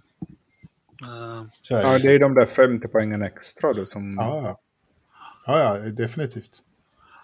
Ja, ja men, det, men... men det, jag tycker det är tråkigt att han har, som du säger Jakob, det har de sista två eh, loppen så har det ju inte riktigt gått hans väg, tre loppen kanske. Men där kanske är ingen skugga över Marcus va? Gjort det har vi pratat om så mycket, alltså det är en helt annan Marcus va? men mm. kanske ser skillnad mot de här rävarna, Dixon, Power, ja, nu fick ju han en katastrof sista stint med en eh, Newgarden. Ja, men liksom mästerskapsförare på något. De har inga dåliga helger och har de dåliga helger så kommer de trea, fyra. Och citera min vän Per Ternström, eh, Indycar handlar ju jättemycket om att vara topp 6, topp 8 hela tiden. Ja, det, är så, det är så Dixon eh, vinner, har vunnit sina titlar. Liksom. Kolla, kolla eh, titta på Scott McLaughlin och hans eh, eh säsong eh, där har vi en vinnare in the making. Eh, han mm. kommer att ta mästerskapet. Det här är hans andra säsong och, och liksom, han kör ju redan som vinnare. Han är med där hela tiden, om och om igen. Och båda sitter ju i stora, gigantiska, Indycar mått mätt, gigantiska stall, liksom Penske och Chip Ganassi. Det det är inte så att det finns en pengabrist eh, i, i de här två stallen. Så att budget finns det så, så det räcker och blir över. Ja. Men det är synd. Nu har ju själv sagt att han har inte, han har inte möjlighet att, att vinna. Eh, åtminstone inte av egen kraft alls. Så att... Ja. Ja, nej, men vi går in i ett avgörande. Will Power har väl, måste man väl säga ändå, en ganska betryggande ledning med 20 poäng. Va? Sen har vi Newgarden och Dixon som eh, samma poäng ligger de där. Newgarden är överlägset flest segrar. Sen har vi Marcus på fjärde plats som får se upp lite både från McLaughlin och eh, nej, Palou är väl inget hot, men topp fem slutar Marcus ändå. Men eh, ja, ja, kan komma trea. Ja, kan komma Ja, trea. Ja, skitbra säsong, absolut. Mycket Colton haft. som ska sitta i alla Formel 1-bilar, åttonde plats, 362 poäng.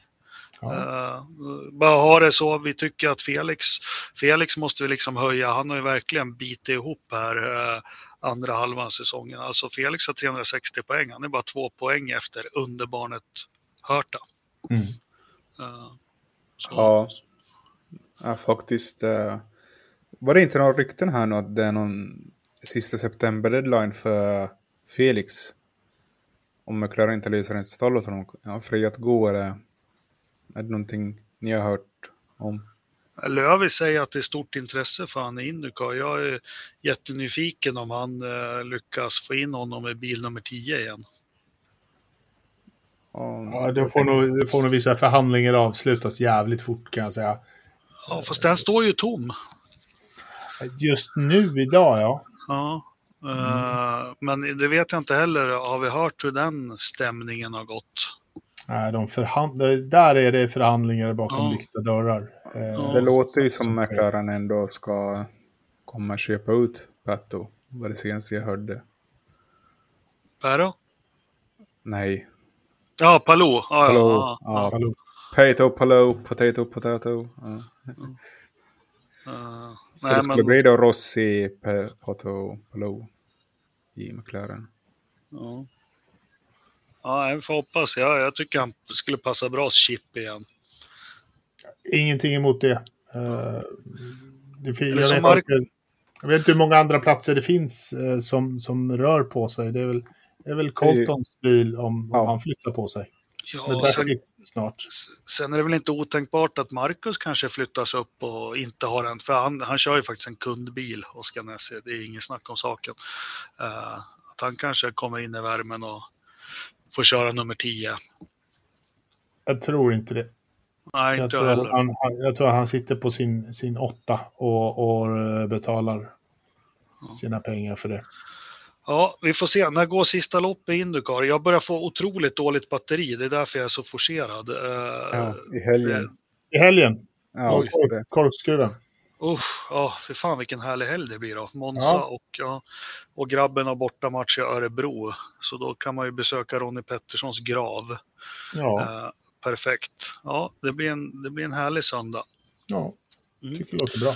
Ja, ska vi stänga den här dörren och eh, öppna dörren till nästa ämne? Vi kan väl säga som så att eh, vi hade en liten undersökning här och det här Just var det, förlåt. rätt dåligt betyg med, med hygglig rätta, liksom 2,14. var ingen höjdare. Men. Indycar-loppen ligger lite lägre än Formel 1-loppen, rent generellt sett skulle jag säga. Så att 2,14, nej, det var inte botten, botten, men det var inte, det var inget vidare. Vad säger du, Kristoffer? Nej, som du säger, F1 är fortfarande bättre än Indycar. Hur mycket ni än försöker.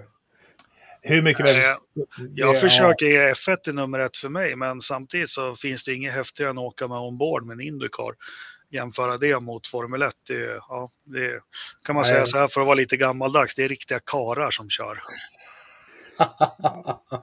Mm. Jag är igen lack och lite på Indycar. Eh, När jag kollade kvalet.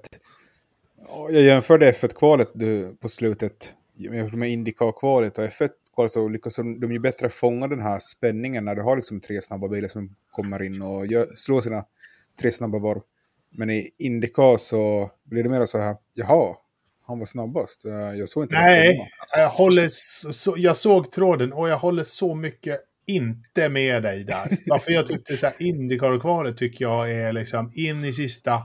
Eh, Så är det liksom, det, Ja, men, du tittar Ja, men på vadå, Formel 1 är ju så förutsägbart. De gör sitt Ja. försök, de går in och så ska det Ja, alltid det- vara Verstappen som kör sist. Och det är problemet med Indycar. Jag tycker upplägget med Firestone Fast Six, jag tycker det är sjukt bra. Men det är ju produktionen i tv som gör det lite pajigt. exakt, det är det jag menar. Ja. Och sen, sen tycker jag Robin gör ett jättebra jobb att försöka få lite spänning i det. Alltså Marcus är på grönt, Felix är på grönt och liksom håller oss uppdaterade ändå. Men det blir lite, som du säger, Ja, men är det någon som fattar de här gröna tiderna? Det är, vi är också så inkörda, man kanske vill ha lila sektorer. Alltså, för du förstår, de här tiderna är ju så dynamiska på Indycar, man ska säga. Man fattar ju inte. Och, eh, Jag fattar inte hur många sektorer det är och det ändras ju lite hela tiden. det är och- 2000 och, och sen så är det att de kör inte mot bästa sektorn utan det händer ju saker hela tiden. Eh, så det, ja. Ja, Jag, vet inte, men- jag, jag, jag noterade faktiskt i helgen, jag växlade mellan, eh, mellan den amerikanska, riktiga amerikanska sändningen och, eh, och de europeiska sändningarna. Och grafiken man får i den amerikanska sändningen är en annan grafik än den du får i den europeiska signalen. Så att den Okej. amerikanska sändningen har mycket annat, alltså så här, inte mycket, men det finns andra saker att se eh, och, och följa där än, än vad Viasat har tillgång till. Så att de har gjort en separation där. Jag tittar aldrig på, på Viasats eh, Indycar-sändningar. Eh, Nej. för att när man tittar på den amerikanska, du, du får... Eh, an, det, det hänger ihop. Och att, det, att, att de gör det så gott de kan, vet, jag förstår det, bara för det är väldigt otacksamt. Ja, men får, får man drömma lite så kanske om de vill vinna lite målgrupp, vi är ju europeer och vi har följt Formel 1, ja men kör på Europa-feeden då och försök Ja. kopiera Formel 1. Jag tror de skulle vinna mycket på det. Skitsamma. Ja. Ja. Vi stänger den här dörren så öppnar vi nästa, Kristoffer. Återigen, tack alla patrons och in och köp en snygg t-shirt eller sweatshirt eller mugg på podstore.se. Sök på Forsa Motorsport.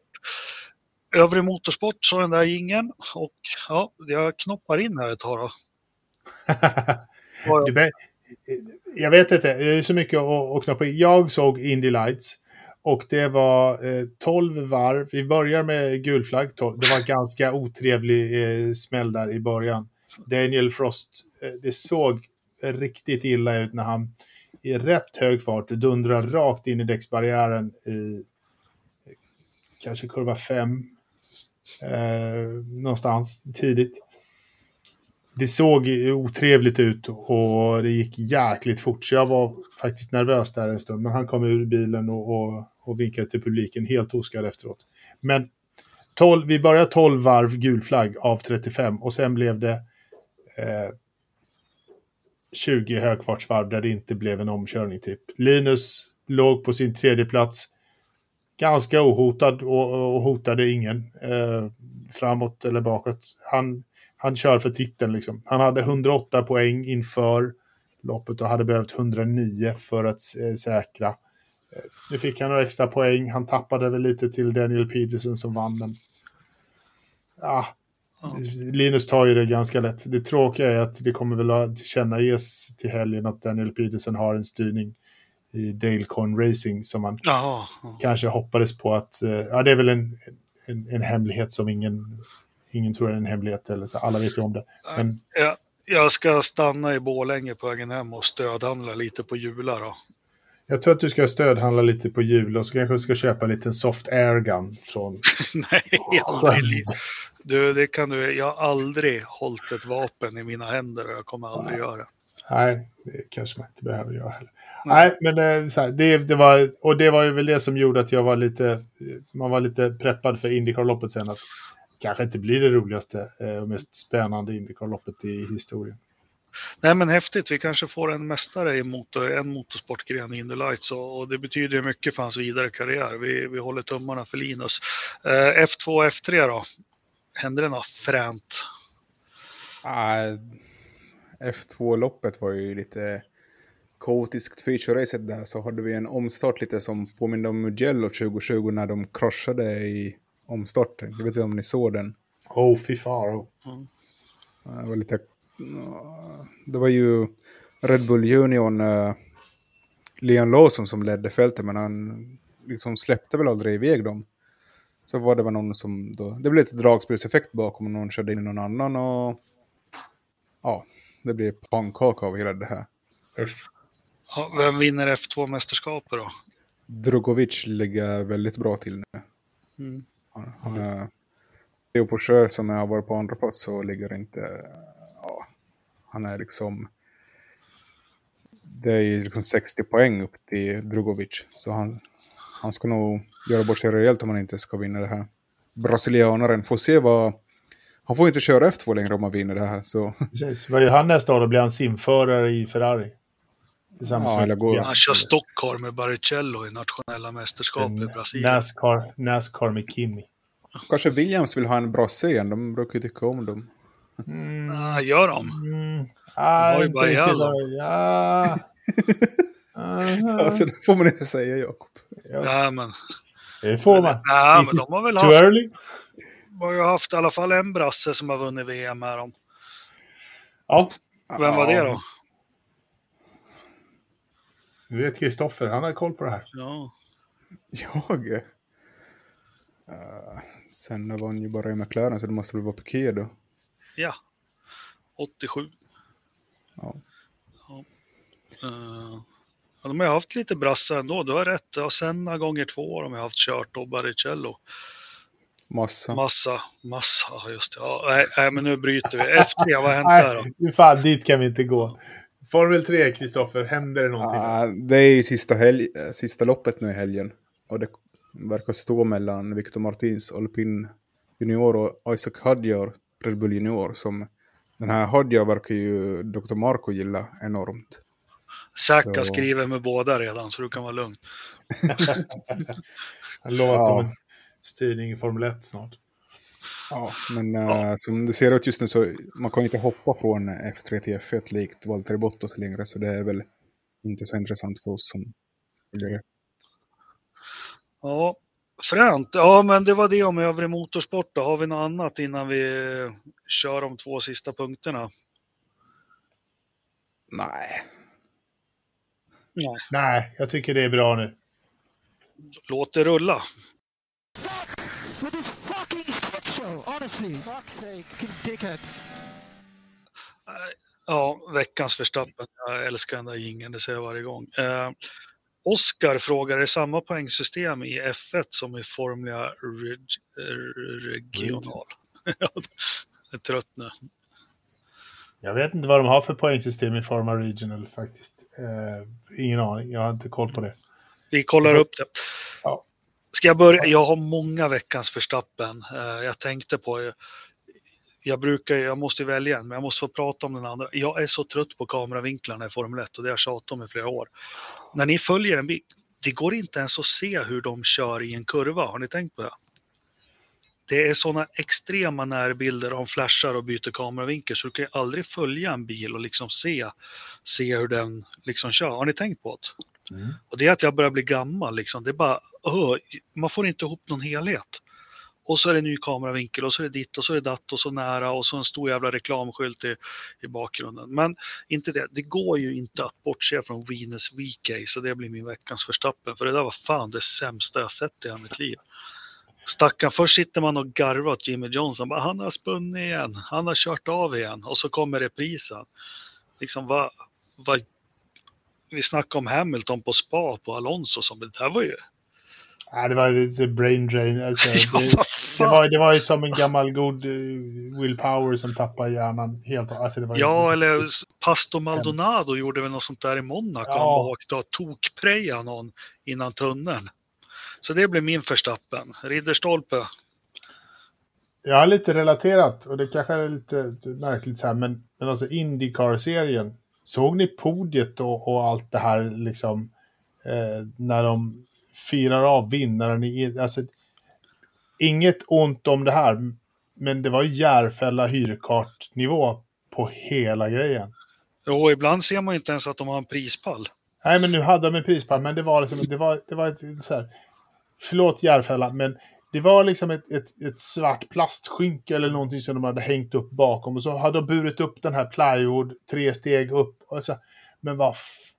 Kom igen! Ska det vara Ja. liksom... Ska det vara topline eller, eller är Ja. det hyrkartnivå? Jag håller med. Och det är något jänkarna borde vara bra på. Det är precis just det. För Och det fan, här är så jävla... Äh, på en liten gräsplätt hade två halv michelinare druckit, på- konkat ut. Alltså man såg hur det gick till. Nej, nej. inte De, behöver, de behöver Trump som president igen. Då blir det Ja, make the prisutdelning great again. ja, men någonstans där. De behöver ha någon de som... har ju bara, som nu när du säger, som i Indianapolis, då åker bil en hiss och det är fan allt, alltså. Där ja! Ja, ja, Men, det, ja, men, det är ja. ju, men de andra loppen är ju, är ju så mycket hyrkart så det är ju... Men det var, väl, det var väl när Marcus vann i Detroit, då reagerade jag på det också. Han hade ju inte knappt, han fick ju springa till någon fontän och fri, eh, så liksom för att det skulle bli lite segerkänsla, för det fanns ju inget podium eller någonting. Nej, det Ja, får men mig där har- faktiskt osökt att se fram emot. Tänk om en Ferrari vinner på söndag på Monza. Det podiet alltså, vad häftigt. Ja, det, det, det är Ja, man. men de har ju förstört det också. Jag har ju varit där senaste gångerna när Ferrari har vunnit, men de, de såg på ju liksom undan eh, förarna tar in en DJ som börjar spela och så blir det lite så här cringe för alla vill ju inte typ festa, folk vill ju se förarna, inte någon... Är var det inte. Mexiko de tog in någon sån här Avicii Ja, just det. Summerburst? Ja. Var det inte Kimmy som bara en dum i huvudet? Vad fan är det här liksom? Han var ju Ja, helt inne i det. Han var ju så... Ja, Kristoffer, vad bjud på din nu då? Ja, det blir eh, en kille som heter Brad Benavides. Eller han heter... Den här killen, Brad Domenico Benavides Agredo, är en amerikansk, spansk, guatemalsk reseförare av colombiansk härkomst. Oj, liksom fyra jävlar. det olika... är så här, han har täckt hela jävla kontinenten där liksom. Ja, och som till och för Karlin, men han gör ju ingen glad. Jag, det är liksom varenda gång det är en incident i det här Formel 3-mästerskapet så är det Brad Benavides. Det är liksom... Ja, nu är vi lite färgor för att han tog ut uh, William Alatolo här i, på feature-racet igår. Men äh, äh, jag tycker han är... Han gör ingen glad. Jag vet inte hur han har kommit till F3 faktiskt. ja, ja. Han har, det är ingen superlicensnivå där liksom. Det, Nej, verkligen inte. honom måste jag kolla upp. Ja, jag tyckte det var roligt när han har colombiansk härkomst, men ändå... Venezuela, ja, mycket. Ja, fast fan, man vill ju inte råka ut och få en colombiansk slips. nej, tack. Googla. Ska vi försöka stänga det här jävla avsnittet nu?